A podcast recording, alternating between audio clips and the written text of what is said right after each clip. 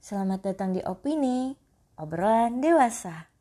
Bersama Anggi dan juga kawan-kawanku yang nanti akan menghibur kalian semua dengan obrolan-obrolan kami.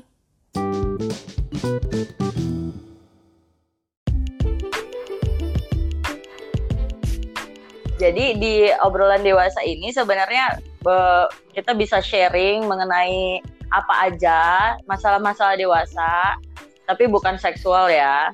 Uh, dan juga kita bisa sharing cerita-cerita horor, mungkin nanti di segmen lain. Kali ini uh, gue ada guest dari berbagai daerah, berbagai lokasi bukan daerah. Uh, boleh dikenalin masing-masing nih, mulai dari Sedi mungkin. Oh baik, oke. Okay. Hai, gue Sedi, gue di Bali. Terus apa lagi ya? Nah itu aja. Usianya set? Usianya 29 tahunan. Pekerjaan?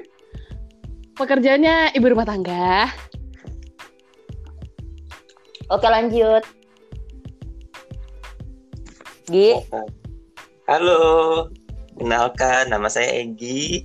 Saya tinggal di Bekasi. Umur saya 29 tahun. Pekerja, pekerjaan saya sebagai wira swasta. Jangan lupa follow Instagram saya di @egi_gilamputra. Mantap.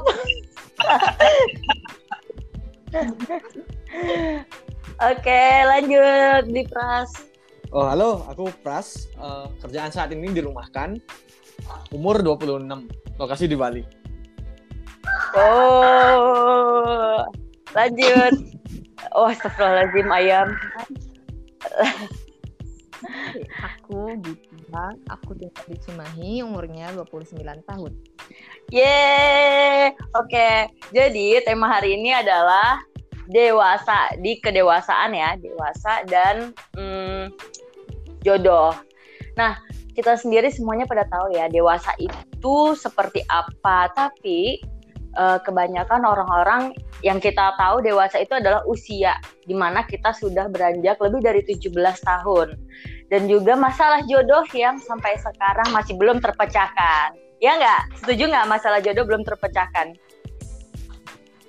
Jadi untuk uh, orang-orang single di luar sana tenang aja. Ini kita mau bahas nih masalah jodoh nih. Kira-kira seperti apa sih?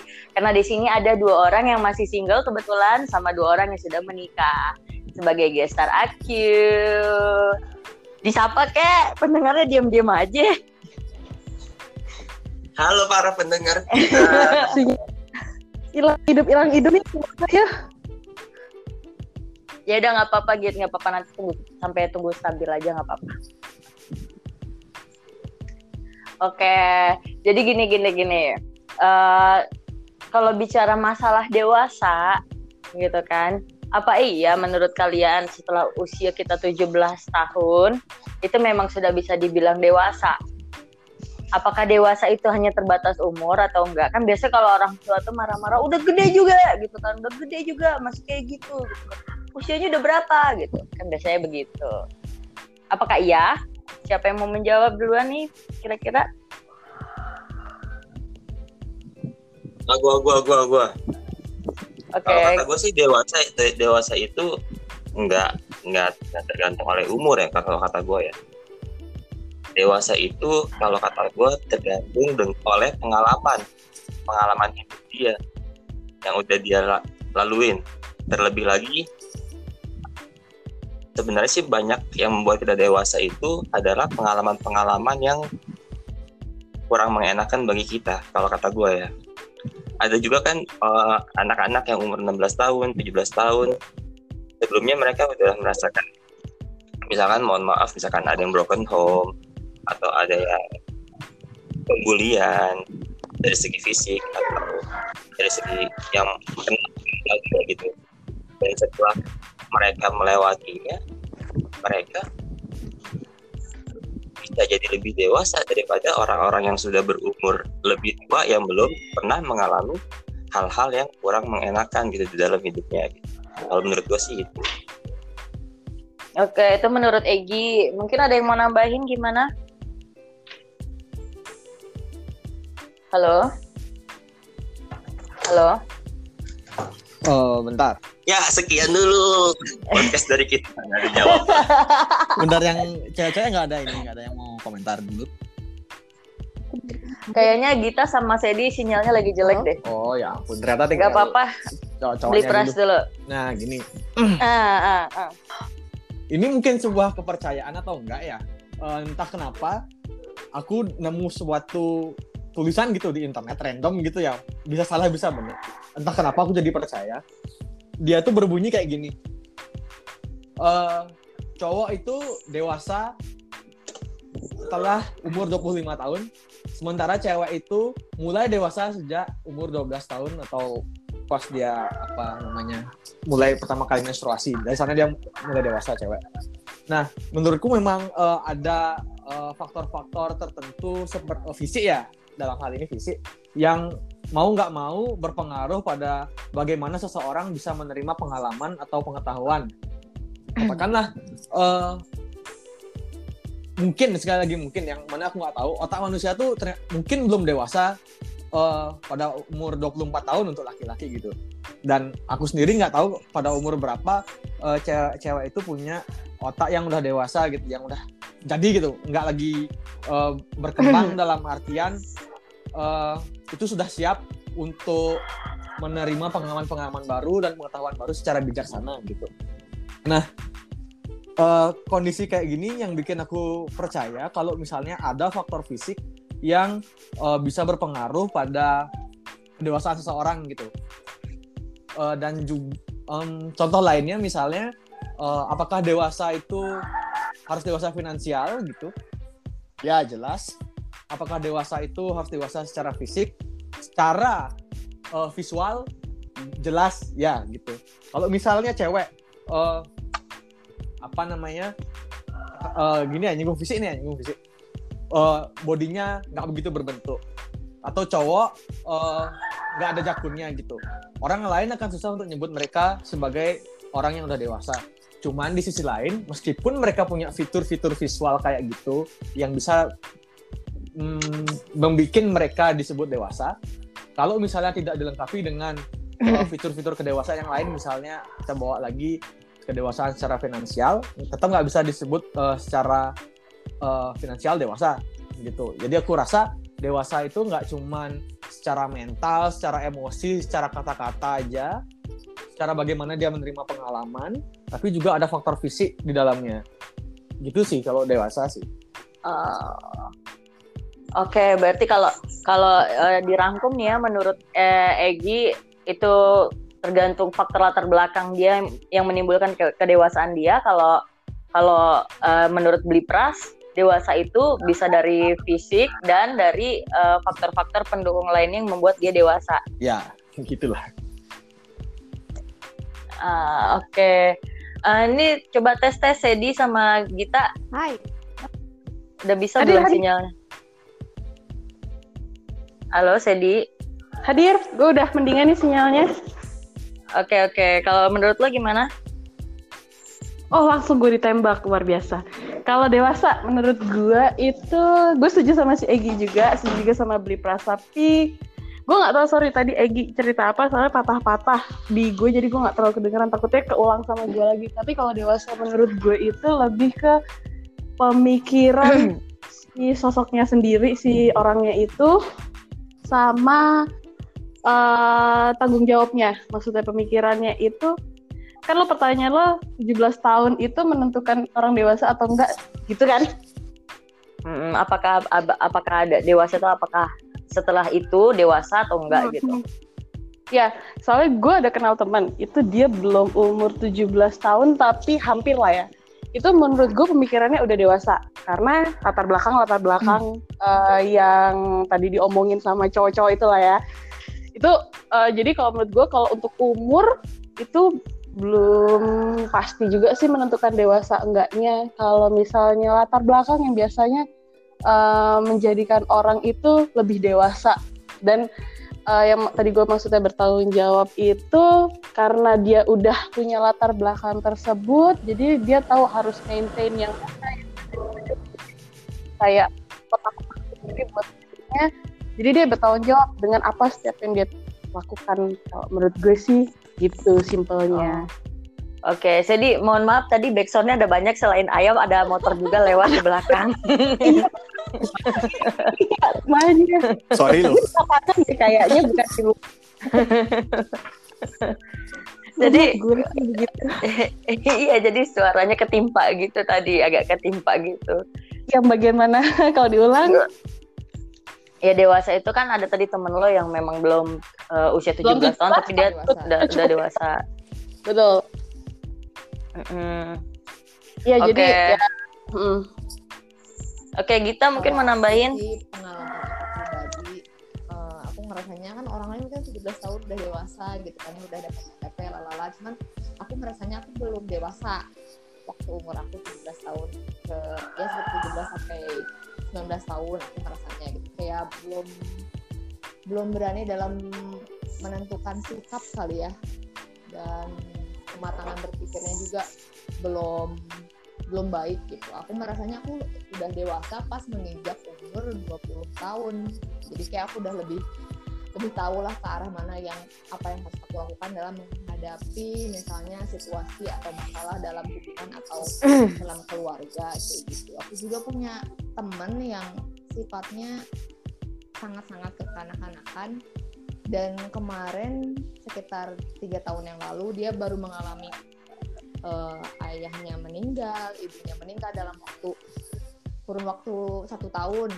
Terus juga masalah keluarga dia banyak banget. Terus tiba-tiba dia berubah banget sifatnya total. Jadi kayak orang yang beda, bener-bener dewasa. Jadi kayak yang dia yang biasanya penakut banget nggak mau sendirian di rumah nggak mau ke mana-mana sendirian sekarang udah jadi ibu rumah tangga kayak mau sendirian di rumah ngurus anak terus jadi mandiri bisa ke mana-mana jadi bener-bener kayaknya aku eh, setuju sama omongannya Egi kalau misalnya pengaruh banget sih soal pengalaman hidup jadi kita berpikir dewasa. Oh gitu. Berarti berarti temen lo ini eh, usianya Iya, sekita sama gitu ya berarti. Dia Malah usia sekit usia ke si ke sekita ini dia baru mentalnya dewasa dia gitu. mental dewasanya tuh pas dia mengalami apa ya? Mungkin karena di dalam hidupnya nggak pernah ada masalah keluarga Hmm. yang gimana gitu. Kayaknya adem aja keluarganya gitu. Tiba-tiba pas kemarin tiga tahun yang lalu eh, ibunya sakit terus meninggal terus kemudian ayahnya sakit terus meninggal. Jadi kayak dia kayak baru kepukul banget terus sekarang dia cuman ya berdua gitu sama kakaknya. Jadi ya sekarang dia berubah total sih sifatnya Oke, Eh, ini kan hal, suatu hal yang menarik menurut gue karena eh, banyak banget, banyak banget menurut gue nggak sedikit ya banyak banget mungkin eh, para orang tua di luar sana gitu atau para orang-orang di luar sana lah yang memang belum eh, belum mulai berpikir bahwa eh, usia 30 tahun saja gitu. Kita nggak bisa bilang eh lo tuh udah gede harusnya mikir kayak gini kayak gini kayak gini gitu kan. Itu nggak bisa. Dan dan banyak kan or- orang-orang di luar sana berharap lebih kepada yang lebih tua kan seperti itu. Nah, gue bahas ini di sini supaya mengedukasi para pendengar kita bahwa uh, usia itu tidak uh, tidak menggantungkan kedewasaan orang gitu, menentukan kedewasaan orang, sorry, menentukan kedewasaan orang. Jadi bisa aja kayak tadi, uh, ini uh, ceritanya saya tadi se- anak sebelum 17 tahun aja dia udah dewasa gitu kan. Uh, dan ceritanya Gita Iya, malah berbanding terbalik uh, usia sekita ya sekitar dua tahun yang lalu Iya, berarti sekitar 27 ya usia 27 Iya betul. dia malah baru beranjak dewasa. Nah, kan uh, berarti kan dewasa itu tidak tidak bergantung pada usia. Sehingga apabila ini banyak banget, ini banyak banget uh, kejadian di beberapa uh, orang bahwa ketika anak-anak kecil berpendapat tidak didengarkan, kan gitu kan. Ketika uh, anak yang belum dianggap dewasa berpendapat itu tidak didengarkan gitu. Kenapa gitu? Padahal pendapat kita semuanya ini kan bisa di saring bisa dipikirkan kan seperti itu setuju nggak apa kalian ada cerita mengenai hal-hal seperti ini gitu mungkin gimana ya karena orang tua aku mungkin orang tuanya yang pemikirannya kolot gitu ya mungkin kalian juga ada yang orang tuanya berpikiran seperti itu. Jadi kalau misalnya aku merasanya aku udah umur 29 tahun ya bisa dibilang sudah dewasa ya tapi kadang-kadang kalau aku berpendapat tuh masih tidak apa ya kurang dianggap mm, nggak dianggap serius apa gimana nggak tahu. Mungkin rasanya karena mereka orang tua jadi kamu masih anak kecil jadi mereka lebih tahu yang lebih baik karena pengalaman hidup mereka lebih lama gitu kali ya. Padahal kan sebenarnya bisa diambil. Iya. gitu. kalau misalnya emang sudah diterima ya silahkan. Tapi kan mungkin umur umur seumuran kita ini kan lebih orangnya lebih bebas berpendapat kali ya. Beda sama orang zaman dulu. Mungkin waktu mereka Hmm. umur sekitar nggak ber- berani itu mengutarakan pendapat ke orang tuanya. Mungkin dianggap tidak sopan atau apalah. Gitu zaman aja sih kayak Ya, gue setuju sama Iya sih. Mm-mm.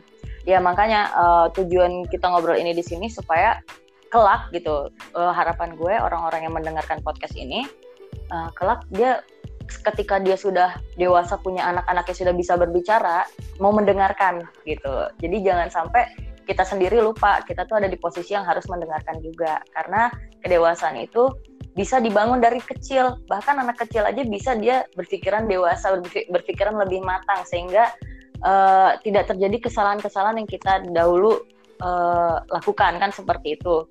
Karena kan kalau misalnya kita sudah mulai berpikir eh, lebih maju lebih ke depan eh, eh, semoganya kita bisa menghindari kesalahan-kesalahan yang memang kita dulu pernah lakukan kan seperti itu.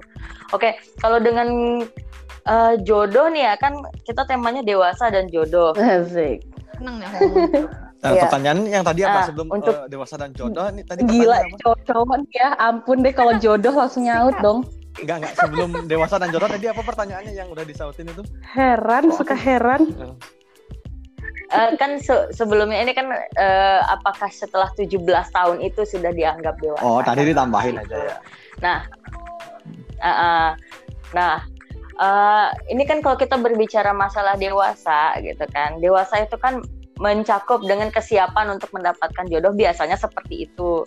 Karena kan tadi eh, ada juga siapa tadi yang membahas oh beli prasya kematangan kita untuk eh, untuk siap siap di ya asumsinya siap segala aspek lah termasuk eh, mungkin berumah tangga kan seperti itu. Cuman kan dewasa ini ya, dewasa ini gitu kan. Belakangan ini gitu. Menikah itu menurut gue lebih ke jadi tren ibu-ibu, ngerti nggak sih kayak ini anak gue udah usia segini gitu. Dia harus nikah gitu. Kan lebih ke seperti itu. Apakah iya eh, usia seperti itu usia let's say usia 26, 27, 28 sudah benar-benar dikebut untuk nikah gitu kan. Jadi eh, masalah kedewasaan dan jodoh ini menurut kalian tuh seperti apa sih gitu? Ayo siapa yang mau mulai, yang mau mulai duluan? Boleh loh, boleh loh, boleh loh, boleh loh la- duluan tas Coba coba beli pras dulu, beli pras. Kayaknya paling tua nih. nggak ngecak lagi Ya, kalau secara usia sih aku tadi udah nyinggung aku umurnya 26 ya, jadi terbalik. makanya Seti ngomongnya nggak ngaca. Klaim. Em, Serius. Udah lah. Eh, gini, dosa dan jodoh ya gitu. Ini kalau ngomong jodoh itu itu adalah eh, kamu tuh siap, kamu tuh dapat kesempatan sehingga kamu mengambilnya dan kamu menganggap dirimu beruntung gitu. Itu kalau aku lihat dari jodoh ya. Sementara kalau dewasa itu dia lebih kayak bagaimana aku memahaminya ya. Dewasa itu kamu tuh fundamentalnya itu udah siap gitu loh. Gitu. Artinya eh, ketika jodoh itu terbang di hadapan. Gitu. Kita bayangkan aja jodoh itu terbang gitu. Kamu fundamentalnya udah siap sehingga kamu bisa ngambil ancang-ancang lari untuk ngambil jodohmu itu dari langit gitu. Oke jodoh di tangan Tuhan tapi kalau kita nggak bisa ngambil ya sama aja ya Iya. nggak sih? nah itu sih. Jadi dewasa itu baik itu funda, balik lagi aku ulang aja ya. Dewasa itu fundamental kok jodoh itu keberuntungan ketika itu sudah ketemu kedua-duanya jadi namanya matang itu sih Hmm, tapi kan banyak yang mengaitkan bahwa kamu tuh udah dewasa, kamu harusnya nikah begitu. Makanya ini ada pertanyaan dewasa dan jodoh. Menurut kalian itu seperti Oh. apa? Jadi kayak Ah, Yes, jadi kan eh, nanti udah usia 26, 27, 28 oh, udah gede, udah dewasa, harusnya nikah nih, udah siap gitu kan. Ada yang mengibaratkan bahwa bahwa tapi ini jangan tersinggung ya, para pendengar juga ada jangan tersinggung. Eh, karena ini hanya ibarat. Ada yang mengibaratkan bahwa eh, laki-laki di atas usia 25 tahun itu sudah seperti kuda liar, katanya seperti itu. Mengerti kan maksudnya kuda liar seperti apa? Eh guys, jangan ketawa ini obrolan dewasa. Eh gue nggak ngerti udah lihat sumpah. Sumpah gue tahu. Oh berarti susu dari cowok-cowok yang di atas umur 25 ya? ya aku baru, denger Eh gue udah apa sih guys? Kalau nih Iya. J- Jadi jadi ada teman-teman gue yang ngomong seperti itu ke gue. Jadi iba kata katanya itu tuh ibarat uh, laki-laki yang di atas 25 tahun tuh sudah seperti kuda liar Anggi gitu. Jadi ibaratnya kuda liar tuh yang memang udah nggak bisa Iya. diem, memang energinya tuh udah udah memang energinya tuh yang yang ya memang harus disalurkan lah seperti itu. Oh, yang ngerti ya, jangan berpikiran negatif ya guys. gue ngerti. Ya. Harus disalurkan Oke. kreativitasnya, Oke. kan? Kreatif. Iya. Iya. Iya. Aktivitasnya Iya, ya. iya, harus produktif. Sangat ya. Oh, Iya. Reproduktif. Dan imajinatif. Iya, iya. Oke. Iya Betul, kan? Betul sekali. Oh, baik. Mm, mm, mm. tapi Mm, kebalik Nah, mm, gini, mm. gini, gini. enggak eh, sorry Matu Siapa dulu? Eh, Silakan. enggak, aku cuman gara-gara ngomongin kuda liar temen aku ini kebalikannya malah dia ngomong. Jadi dia tuh dia di bawah aku satu tahun tapi dia belum nikah perempuan. Orang tuanya tuh jadi keluarganya tuh kayak keluarga Jawa gitu. Terus malah keluarga ibunya tuh kayak hmm, kecewa kali ya anaknya gini belum nikah gitu. Terus malah ngomong kayak gini kamu jangan kayak gini terus lama-lama kamu jadi cabai busuk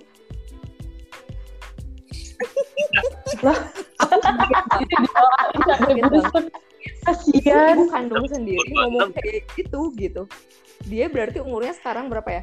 28 tuh umur dia. Waktu dia tuh diomongin cabai busuk tuh sekitar 26 guys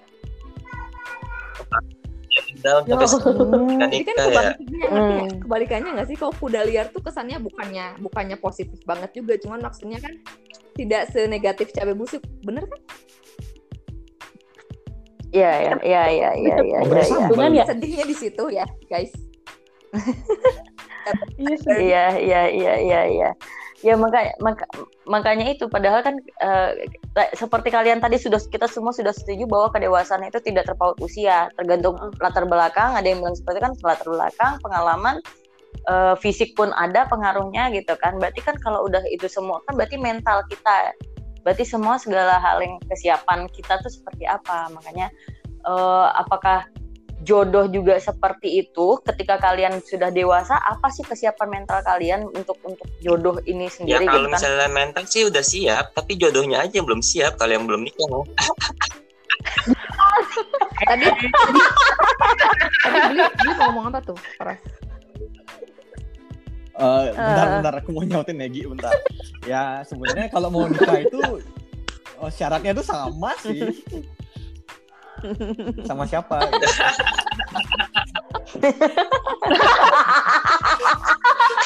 Rasa bener juga. Nah gini ya, tadi tadi kan eh, dikaitin eh, apa namanya?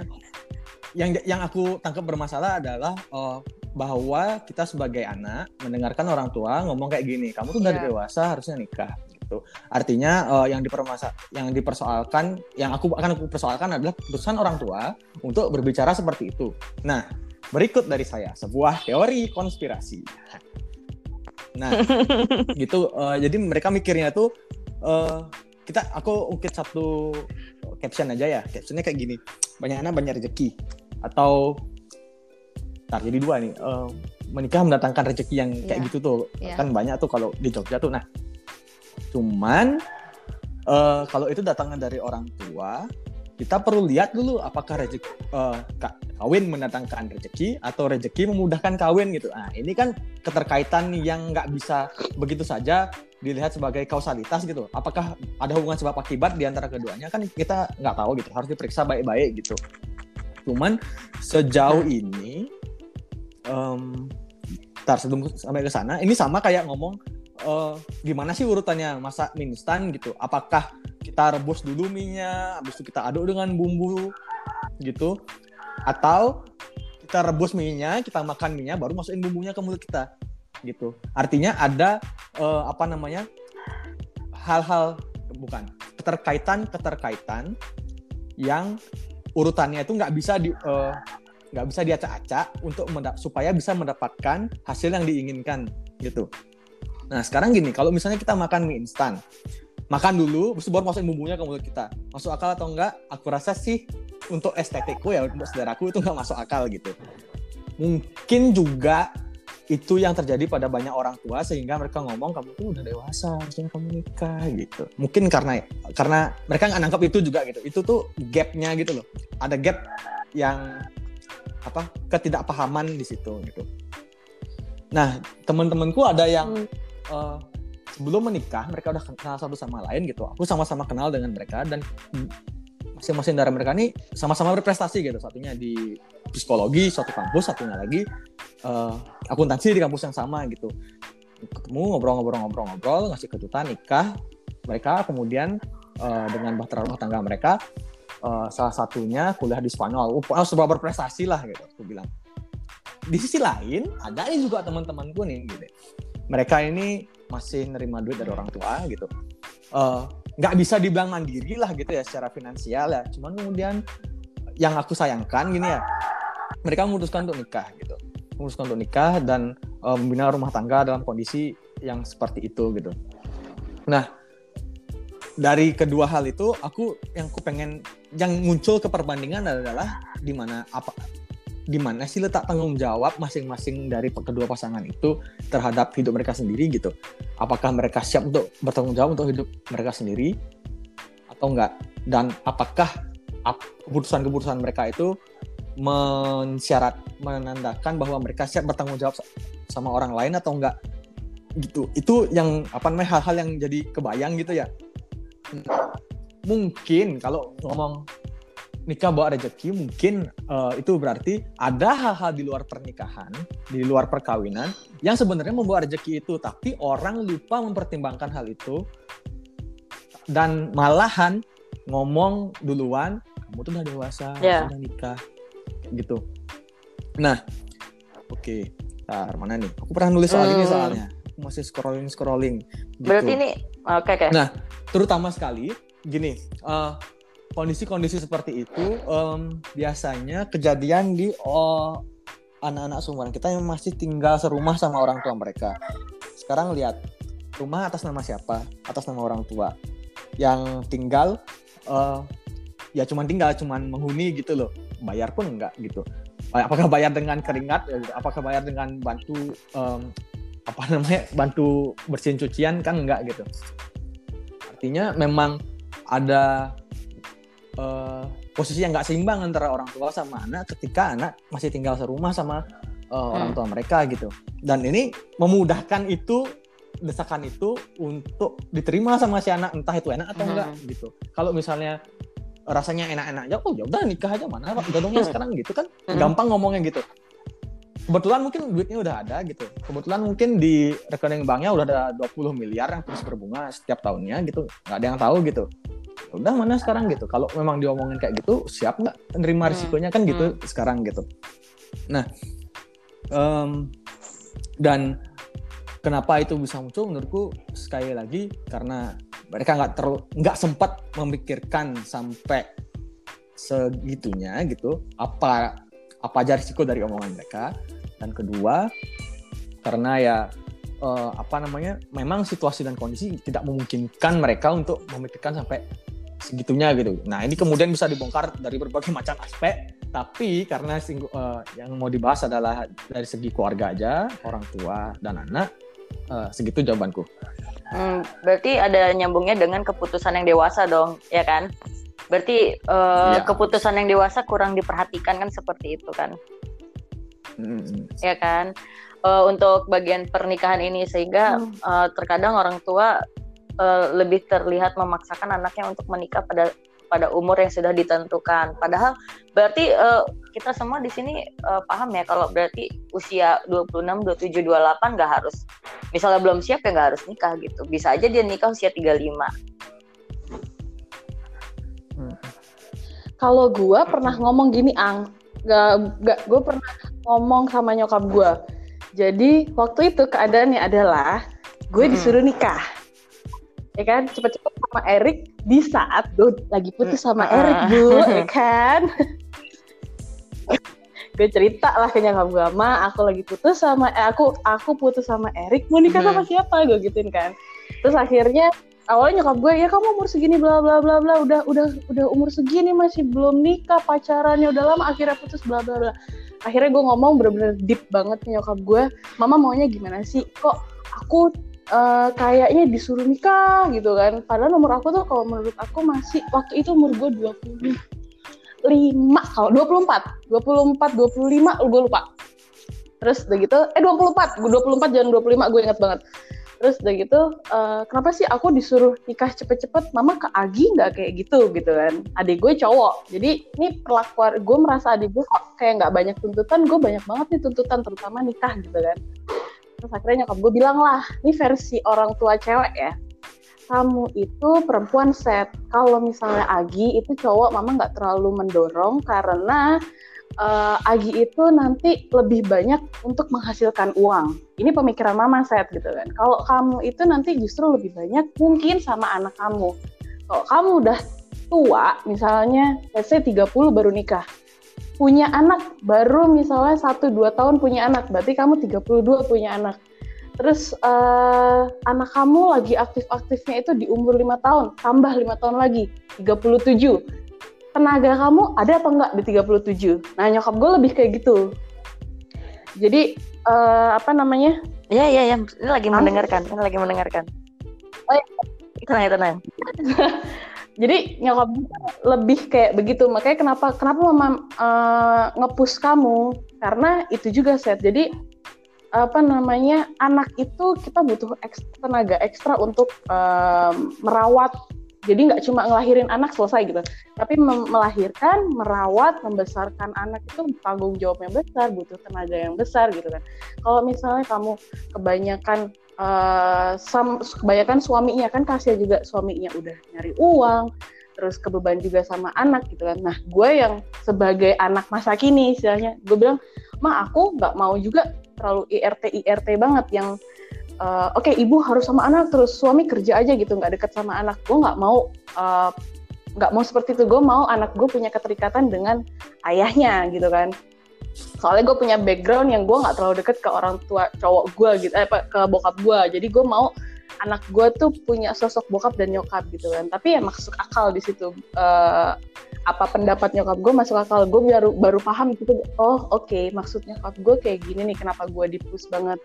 Terus ya udah akhirnya gue bilang kalau misalnya ya gimana nih lagi putus sama apa aku putus sama Erik gitu kan. Jadi nanti aku coba memperbaiki diri lagi deh. Siapa tahu ada yang mau sama aku. Itu eh versi nyokap gue. Tapi ada juga versi gue nggak tahu siapa itu yang cerita sama gue. Ini untuk cewek ya. Eh ada ada orang yang cerita sama gue gini. Cewek itu ibaratkan bola. Jadi bola itu ada di umur sekian sampai sekian. Cewek itu kayak sepak bola. Bola satu bola diperebutkan oleh 22 orang gitu kan. Tapi ada masa cewek itu bisa jadi eh, bola basket, bola volley, dan bola apa bola tenis yang udah udah tua nih umurnya ditektok sama dua cowok gitu kan lu ke sana lu ke sana lu ke sana sampai ada cewek yang udah masih uzurnya istilahnya itu udah kayak bola golf udah apa namanya udah tinggal satu dilempar jauh-jauh. Nah gue make sense sih. Jadi pas nyokap, gue ngomong kayak begitu gue langsung keinget apa kata yang orang yang bilang itu ke gue. Oke oke oke gue gue gue nyambung nih sama nyokap gue nih. Kenapa eh, apa namanya kenapa dia mungkin ngepush gue eh, ayo nikah ayo nikah ayo nikah gitu kan. Tanpa tahu siap apa yang lagi gue hadapi ya karena itu cewek itu punya batasan umur gitu loh. Kalau cowok kan semakin tua eh, semakin tua tuh kayaknya semakin gimana ya Semakin semakin greget. ada karismanya gitu apalagi kalau misalnya udah set kalau udah set badannya bagus penampilannya oke kan itu kayak makin greget kan kebalik kan sama cewek gitu sedikit ada ada cewek yang mungkin makin tua juga makin makin Makasih ya, mature, Seth. makin enak dilihat Makasih makin ya. makin intelek oke sama Ada cewek seperti itu tapi beda pandangan eh, masyarakat ke cewek yang eh, berumur dengan cowok yang berumur. Kalau pandangan masyarakat itu kan pasti lebih kan gila nih cewek ada karir bagus bla bla bla. Tapi belum nikah ya gimana gitu kan. Makanya kepikiran karir mulu sih ngejar karir kayak itulah makanya serba salah sebenarnya kalau misalnya gue ya sebagai cewek gitu. Jadi eh, apa namanya pada saat itu ya udah gue iyain aja gue cuma bilang sama nyokap gue ya udah doain aja tahun depan aku nikah. Dan alhamdulillah ya kan tahun tahun depan nikah balikan sama Erik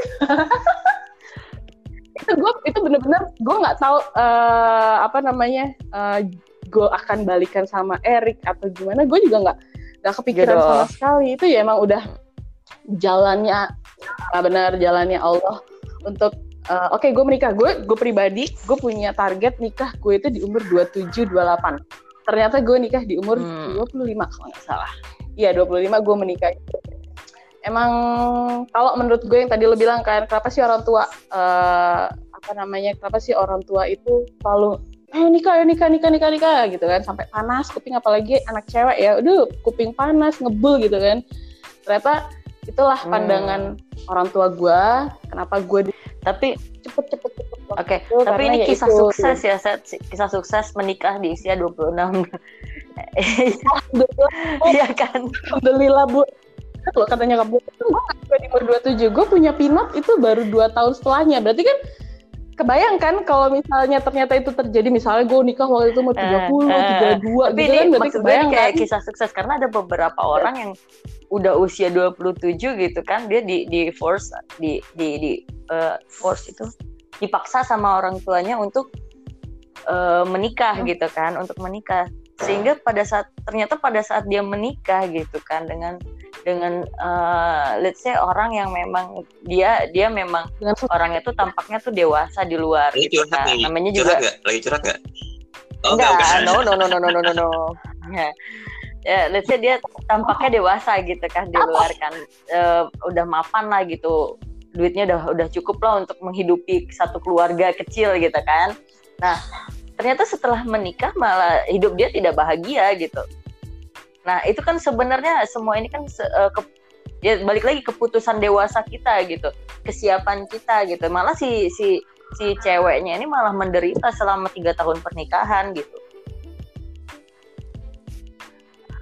Si ceweknya teh tiga ini udah Udah udahan, udahan apa udahan, bagaimana ang udahan. Dan ini bukan cuma satu dua kisah, jadi banyak yang eh, kisah yang seperti ini. Makanya menurut gue kayak, oke tadi masuk akal untuk cewek tidak terlalu berlama-lama eh, untuk menikah. Oh, kalau kita mau konsiderasi hitungan usia gitu kan, karena memang stami, sta- ya karena Ya, memang stamina kita ya, kayaknya. eh, semakin tua kan semakin berkurang gitu. Apalagi kita harus eh, mengimbangi anak kita yang Hmm. stamina-nya nanti bener-bener eh, tinggi gitu kan. Sedangkan kita yang memang ya eh, kalau anak satu kan, kan anak kayak- kan ketiga seperti itu. ya mungkin konsiderasi kita tidak harus terlalu tua ya di sini. Eh, masa iya kita nikah di atas 40 mungkin ada mungkin ada gitu kan. Mungkin ada tapi kan ya itu balik lagi. Itu kan semua kedewasaan dari pemikiran kita. Karena ada yang orang mau menikah ya karena mau menikah. Karena ya udah nggak peduli mau punya anak atau enggak. Karena kan tujuan menikah itu kan sebenarnya kan hidup bersama berdampingan saling mengisi hidup satu sama lain gitu. Kan karena karena ada yang nah, Iya. karena ada Saling- yang tidak ingin punya anak kan ada ya. Banget. ada beberapa pasangan yang Ah, ah, ah, ah, makanya kalau untuk untuk berpikiran seperti itu. Mungkin ada lagi yang mau di sharing untuk hal-hal hal kayak gitu? Mungkin dari dari pihak cowok kali aku pengen tahu orang tuanya gimana ya, Bapak Egy, ke Bapak Egy. kalian apa kamu dulu Mbak. nikah kayak cewek atau gimana? Ayo yang laki-laki. Oh Git Gita lo ngerasain kayak Aku- gue aku nggak sih Git sebenarnya eh, waktu pada saat itu? Hmm, aku sama sih aku juga maksudnya aku ngelakuinnya aku nikahnya aja deh umur 28 apalagi waktu itu aku kayak broken heart gitu lah baru putus kayak ah, udahlah gue males sama laki-laki gitu. Nggak ada nih laki-laki semua sama nih udah kayak kayak gitu kan pemikirannya juga jadi kayak males-malesan gitu deketin cowok kayak ah, udah-udahan gitu kan. Tapi ya mungkin ya Allah berkata lain kata Allah nih jodohnya nih ada nih. Kamu tuh sebenarnya mentalnya sudah siap nih nih jodoh nih. Ya udah aku nikahnya umur 25 tapi nggak tapi aku nggak di, nggak disuruh-suruh nikah sama orang tua sih. Saya aku nggak nggak ayo nikah ayo nikah. Nggak gitu. Mereka kayak ya nggak pernah ngebahas soal nikah juga. Tapi aku tiba-tiba datang ke rumah gitu aku kenalin pacar aku terus dianya langsung ya mintalah sama orang tua gitu mau nikah langsung orang tua aku langsung kaget se shock sejadi-jadinya jadi karena mereka nggak pernah nyuruh nyuruh nikah gitu Wah, tapi kayak akunya yang sama pacar aku kayak udah kita nikah aja gitu kebalik sih Hmm. Oh. Kalau Egi sama beli pras gimana nih? Apaan nih? Egi dulu Sebenarnya sih. banyak sih. Bisa, tadi kan di dibilangin dibilang di, diomongin kan banyak faktor juga ya. Masalah yang di umur orang tua yang orang tua yang suka bilang eh kenapa sih umur segini belum nikah gitu kan atau ya itulah banyak faktor banyak faktor pertama itu orang tua yang nyuruh buat kita cepat nikah ada juga orang tua yang maksa nih anaknya untuk nikah dengan seseorang padahal orang itu hmm, tidak sesuai dengan keinginan anaknya. Makanya jadi rumah tangganya nggak sesuai dengan apa yang diharapkan dan akhirnya bercerai.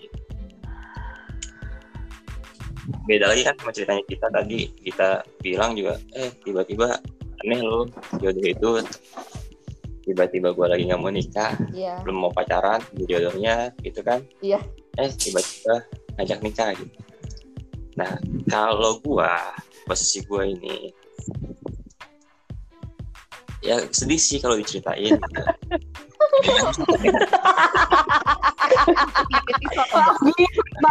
Maaf. Eh sebentar, sebentar. Apa? Ini ini tuh ini tuh pertemanan yang sangat jujur tau gak sih? Temennya sedih kita ketawa gitu.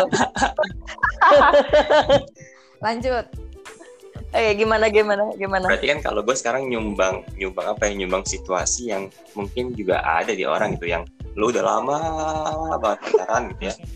Ya lebih lima tahun enam tahun tujuh, sampai tujuh tahun hampir 10 tahun. Dan akhirnya lu dan akhirnya lu nggak jodoh gitu. Oh my god. Oh my god Deep. oh my god. Speechless. Nah No comment. kalau gitu kan berarti kan maksud gua jodoh itu aneh gitu terus jalan-jalan jalan-jalannya juga aneh gitu. Nggak sangka-sangka mak yang udah nikah pun gitu ya bisa aja cerai gitu. Iya. Bener bener Gi, bener Gi, bener Gi, bener Gi, bener. Iya, iya, iya. Tapi kan itu kan nanti kan berbicara tentang gimana sih mempertahankannya gimana sih mem- memaintenance-nya itu kan beda lagi ya. Beda lagi ya pem- Iya. pembahasannya. Kalau sekarang kan kita bicara tentang situasinya aja. Nah itu makanya kalau kata gue sih cewek atau cowok pun juga mau umur berapapun nggak bisa di di dipastiin. Dan apa dan gimana. Terus mungkin tuh? balik lagi sih ke ke mental kita ya. Tuhan tahu sih Heeh. mental kita udah siap atau belum. Bahkan atau gini Tuhan tahu kita udah mau nikah atau belum gitu. Ngerti nggak iya iya. Udah siap atau mau atau mau mau udah mau atau belum gitu. Itu sih kalau kata gua. Hmm, atau Jadi kalau di saat di saat Mm, lu lu dihadapkan dengan suatu permasalahan itu mungkin dari kesalahan-kesalahan lo yang sebelumnya dari dosa-dosa lo yang sebelumnya dibalasnya sekarang. Jadi kalau kata gue ini hukum sebab akibat. Kalau itu juga Yang- dan itu juga kalau dari sisi lainnya lo akan diganti sama orang yang lebih tepat itu sih hmm. Kalau ini yang mau lo selalu rasain sekarang ya Gi. Ini ini Iya. yang lo rasain sekarang ya. Gi ya. Iya. seperti itu Ini Agi, Agi dalam ilmu belajar Iya. menerima. Iya iya benar-benar. Gak apa-apa Gi. sama lu Gi. Gue gue support gue support. Ada Ya yang serius gue support lo. Tuhan tuh seperti apa nggak ada yang tahu. Jalannya mau kayak gimana, lo usaha juga nggak ada yang tahu, cuy. iya Iya cuy, makanya lu jangan Ah. support doang, jangan ngomong jalannya Tuhan gimana, lu kenalin ke gua gitu. aku siap kok. Aku tinggal japri aja. Oke, Tenang, Egi tenang. Nggak usah ke susu kalau katanya orang santai katanya santai. Emang cinta itu tidak, cinta itu santai, tidak bisa dipaksa, tapi kan butuh usaha. Iya nih, Eh, kalau nggak ada jual Mas, lima mas, kayaknya nih ya. Berarti ini ini balik lagi ya kayak kata beli tadi ya. eh, cinta itu eh, jodoh itu kita harus usaha kita harus ambil dari langit kan gitu dikejar Ya, tapi sebelumnya inget tuh fundamentalnya disiapin. iya Ada fundamental, nah ada mental. Nah, nah fundamental ada mental. Oh iya benar tentang fundamental itu sebenarnya kalau kata gue nikah itu zaman sekarang tuh banyak yang dipersulit, banyak yang dipermahal. Karena nikah itu sekarang ini lagi curhat curhat lagi Egi. enggak enggak. Sama Egi. Terusin, terusin. apa? Sama. Egi Gimana, masalah masalah fundamental tuh bisa belakangan. Yang penting mentalnya cuy. Dan restu iya orang tua dan restu orang tua itu paling penting. Betul. Kalau misalnya masalah fundamental itu bisa mengikuti ini gue ya masalahnya gue sama Erik tuh sama-sama nol cuy. Ya. Betul betul. Gue setuju sama lo. Gue gue setuju gue setuju bah Sedi keluar lagi gimana sih dia lagi ngomong? Keluar. Baca orang ya. sinyalnya kali. Atau gimana tapi benar tapi fundamental itu penting. Seenggaknya lo tahu lo punya suatu usaha yang membuktikan bahwa lo bisa bertanggung jawab Ya. terhadap anak seseorang gitu. Seenggaknya lo punya pekerjaan seenggaknya lo punya ya penghasilan nah itu gitu. Di saat lo masih nganggur pelangga pelongo ya itu berarti belum siap gitu Ah, berarti kan eh, untuk untuk zaman sekarang kan kayak ih gue mau nikah banyak banyak loh di sekitaran gue ya. Eh, yang orang-orang tuh usia usia 24 25 aja udah ngebet banget. Kayak gue pengen nikah nih gue jodoh gue siapa gue masih single gue masih jomblo gitu kan. Nah di sini kita mau meluruskan bahwa jodoh tuh gak segampang itu gitu. Kita butuh ada keputusan eh, dewasa gitu kan. Kita kan lagi bahas mengenai dewasa ya. Keputu- keputusan dewasa fundamental mental yang siap gitu kan baru kita bisa menentukan apakah kita udah siap menerima jodoh kan seperti itu. Jadi kalau misalnya orang-orang di luar sana masih single nih sekarang dan mendengarkan uh, podcast ini, kalian gak usah sedih. Single itu bukan berarti runtuhnya dunia enggak gitu. Ya, sebulan dua bulan tiga yakini- bulan runtuh sih dunia Egi sumpah Egi mah jangan cucul-cucul lagi sensitif ya. kalem misalnya- kalem Nah, Eh, Jadi kan- bertahun-tahun sudah mm, dihabiskan dengan pasangan mungkin sekarang waktunya untuk menyayangi diri sendiri untuk memperbaiki Ah, tah, gitu. Iya, bener. Nah, nah, nah, jadi kan nggak nggak ngerasain aja sih lo nggak sampai tujuh tahun juga sih memang tapi kan aku sih sedih dan enggaknya tuh hmm, bisa ditentukan sama apa ya eh, rentang waktu. Kalau menurut aku dari pengalaman aku ya bukan tidak me- meremehkan umur yang tujuh tahun itu. Cuman kayak misalnya aku pacaran lama sama yang ini tapi kalau pas udah putus ya udah kayak biasa-biasa aja berarti kan mungkin tidak berkualitas gitu istilahnya. Beda lagi sama yang pacarnya cuma sebentar tapi ternyata aku kayak bubuk banget gitu rontok banget untuk ya bener bener bener. lebih berkualitas gitu jadi kalau menurut aku sih mungkin sekarang waktunya untuk menyayangi diri sendiri gitu tenang aja mm-mm, Itu tenang aja. betul.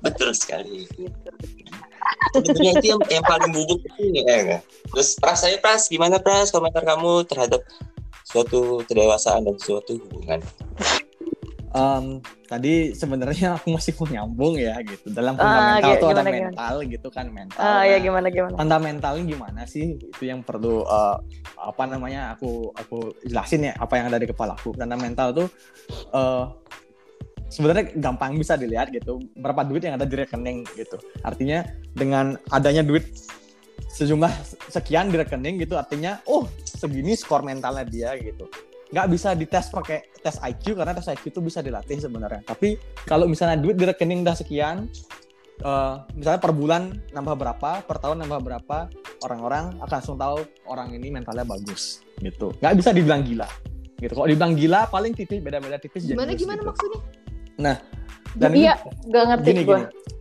Jadi jadi jadi perlambang mental tuh apa gitu. Kalau kamu tahu gan apa namanya cantik itu kayak gimana? Jadi eh, misalnya kamu eh, ekspektasimu cantik itu gimana? Eh, misalnya kulitnya putih gitu, terus kulitnya mulus gitu, atau eh, rajin rajin olahraga sehingga bodinya jadi gitu. Itu kan cowok cantik ya. banget nih sumpah Tanda pemikiran cantik cowok banget gitu. nih cantiknya ya ya itu itu itu, Eh, itu mohon ma itu mohon oh, maaf, nanti. saya keluar.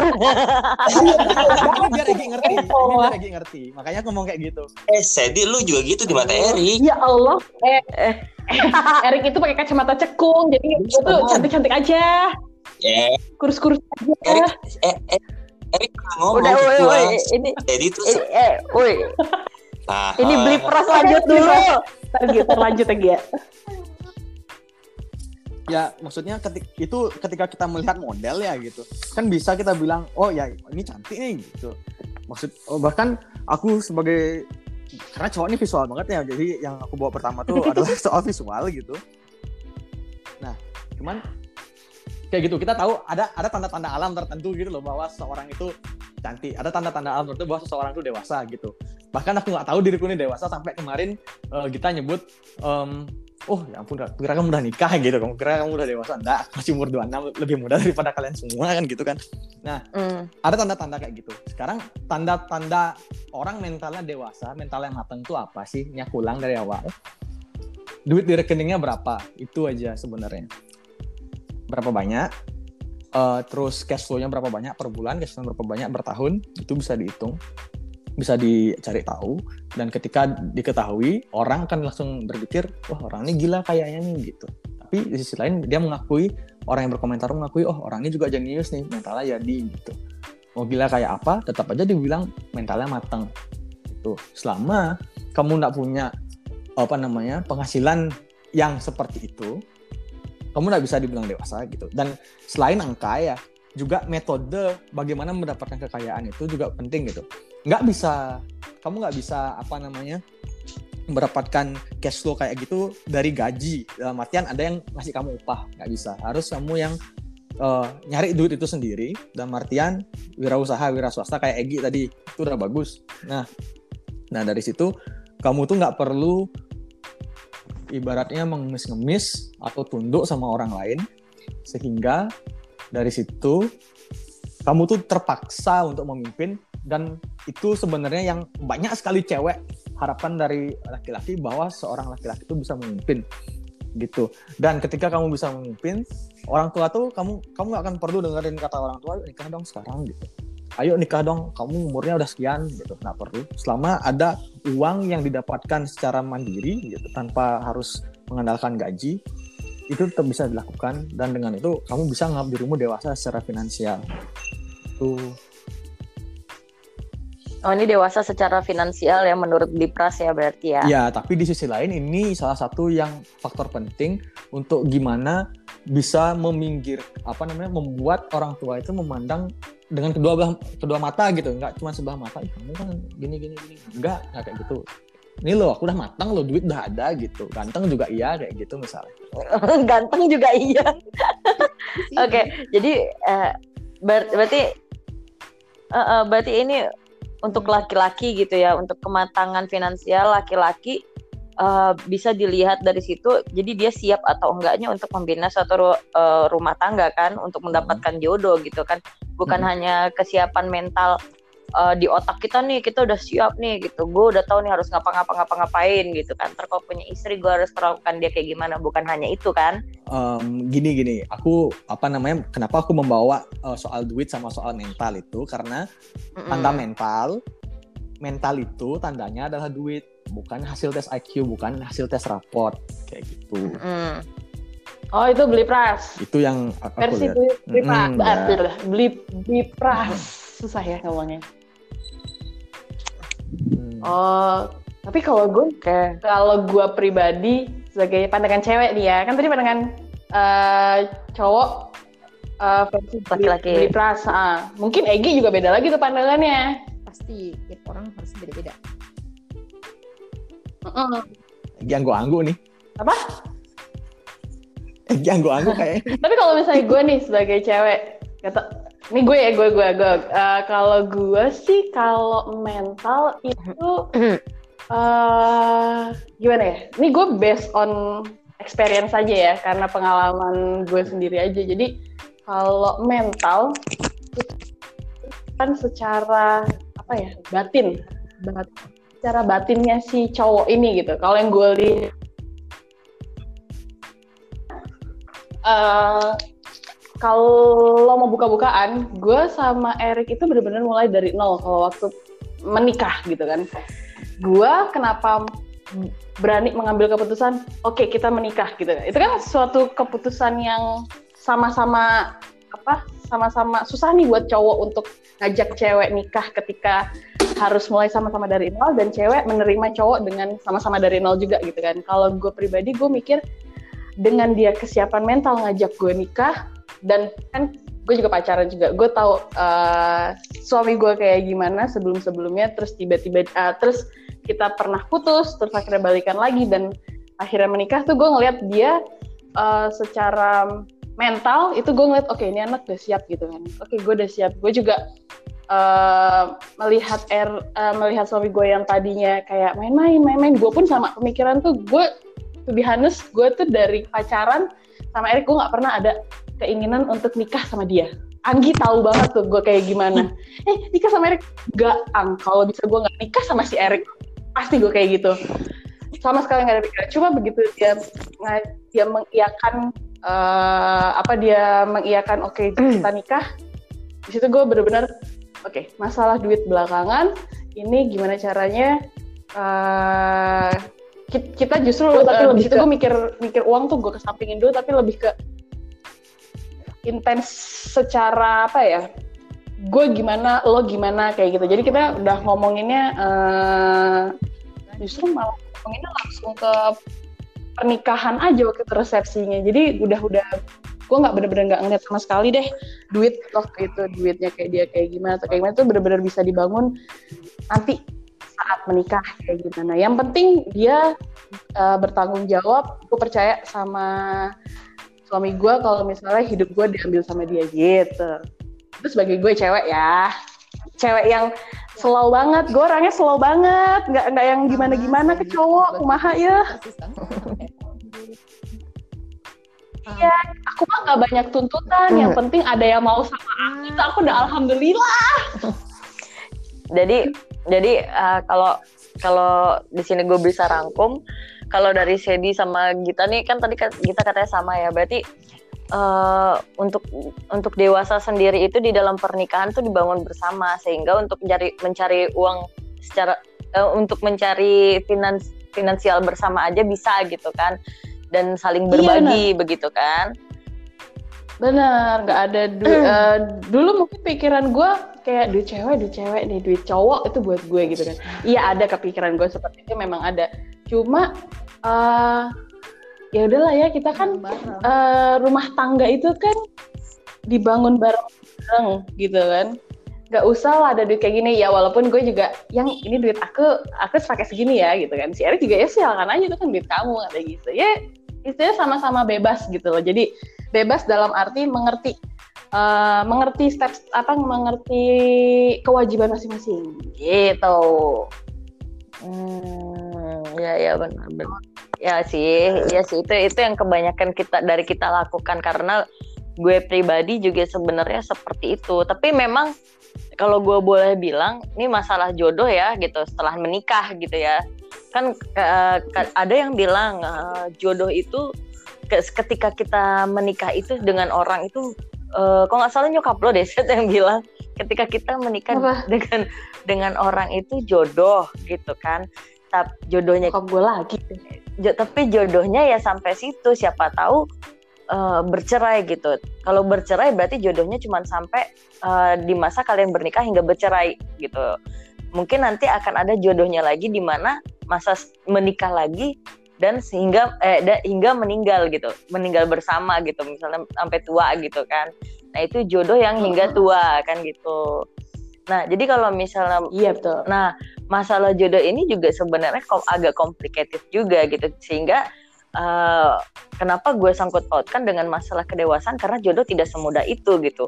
Ketika uh, ada orang yang memang sudah berpacaran misalnya lima tahun gitu kan lima tahun bersama terus dia menikah gitu kan pacarannya udah cukup lama ya gitu untuk mengenal satu sama lain. Tapi ternyata setelah menikah tidak segampang itu juga. Ternyata ada problema-problema kecil yang malahan bisa menjadi besar gitu bagi mereka.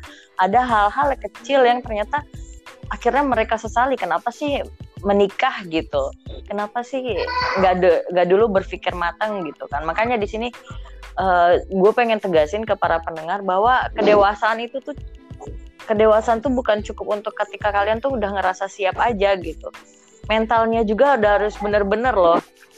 Karena nikah tuh bukan hal yang mudah. Mungkin seperti beli pras di sisi beli pras seperti tadi fundamental dan mental dalam dalam dalam finansial gitu kan. Kalau misalnya uh, udah matang ya eh, nggak uh, ada yang bisa protes gitu kan. Kalau di sisi kita mungkin kita lebih let it flow gitu. Dan kita siap untuk menerima apa yang terjadi gitu kan. Tapi belum belum tentu orang lain. Karena banyak banget kasus-kasus perceraian di usia muda yang anaknya baru lahir bercerai gitu kan. Itu ada banyak kasus gitu. Mungkin ada ada sedikit nasihat-nasihat buat para pendengar dari kalian. Ini si Egi udah keluar kayaknya sinyalnya dia jelek deh. apa nih? Egi suruh masuk aja lagi. Nasihat-nasihat buat pendengar aja mengenai ke masalah kedewasaan ini dan masalah jodoh dari pengalaman kalian atau dari sekitar atau mungkin ada uh, petuah-petuah menurut agama masing-masing juga nggak masalah karena kan agama mengajarkan hal yang baik dong gitu pastinya gitu ya kalau menurut aku sih gimana ya kayak sebenarnya banyak sih teman aku yang cowok yang cewek yang gitu. selalu selalu bilang kalau um, mungkin aku tidak nggak ada di sepatunya mereka gitu. Cuman aku selalu bilang tenang aja gitu. Karena Allah udah Tuhan tau lah yang terbaik buat kita. Aku percaya kok gitu. Ini aku kayak kemarin aku udah pacaran lama ketika kita putus kayak kayak aku dari dulu di mana aku udah males banget sama cowok. Eh tiba-tiba datang aja gitu kayak dari antah berantah. Bahkan aku sama suami aku tuh nggak ada mutual friendnya di Facebook sama sekali. Bener-bener orang yang aku nggak tahu bener-bener orang asing banget kan Allah tuh lebih tahu kata Allah ini jodohnya gitu. Dan ternyata pas udah pacaran langsung nikah terus nikah aku ngerasanya ini orang cocok banget sama aku gitu. Ini orang yang dari antah berantah ini cocok banget sama aku jadi aku aku selalu bilang aku tenang aja Allah tahu kapan waktu yang tepat tepat dan orangnya yang kayak gimana. Dan sekarang mungkin waktunya untuk kamu menyayangi diri sendiri untuk kamu mungkin ada orang yang berkarir lah atau orang yang traveling lah atau apa pun itu untuk menyalurkan hobi ataupun apa pun itu yang bikin kamu happy. Kalau misalnya kamu happy juga pasti kamu attract orang-orang yang baik juga gitu. Dan pasti nanti ada ada insya Allah jodohnya. Jadi tenang aja. Oke.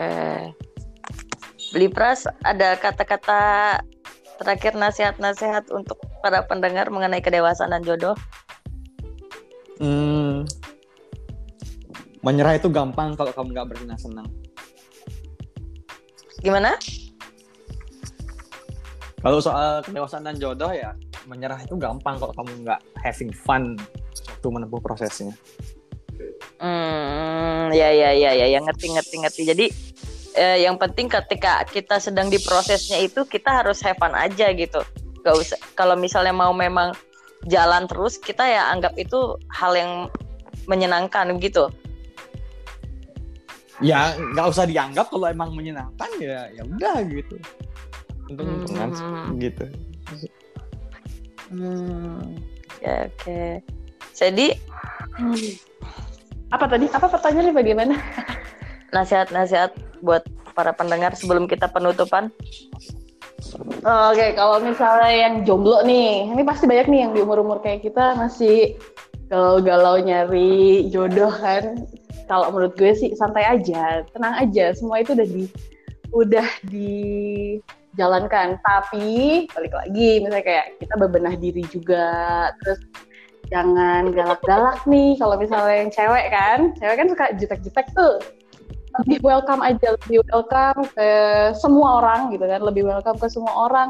Standar-standar yang ada di umur 20 gitu kan, umur 20 mau yang kayak gini-gini, umur 24 pasti berubah lagi, umur sekarang pasti berubah lagi, itu lebih realistis aja standarnya kalau menurut gue. Terus begitu sama menyayangi diri sendiri itu perlu banget karena kalau misalnya kita nggak sayang sama diri kita sendiri nggak enjoy sama diri kita sendiri itu bawaan keluarnya pasti gak enak banget menurut gue kayak uh, apa sih nggak nggak enak aja ngelihat dia gitu loh. Kok orang lain ngelihat dirinya nggak nyaman sama diri eh, sama orang itu kan kita juga nggak enak ya ngelihatnya jadi nyaman aja sama dirinya sendiri terus bebenah diri juga terus mendekatkan diri ke yang di atas terus sama yaitu eh, apa namanya membuka membuka membuka diri aja. Jangan galak-galak terus santai aja nggak perlu kesusu kesusu gitu kan. Orang tua tuh pasti ngejar-ngejar itu udah hal yang wajar banget.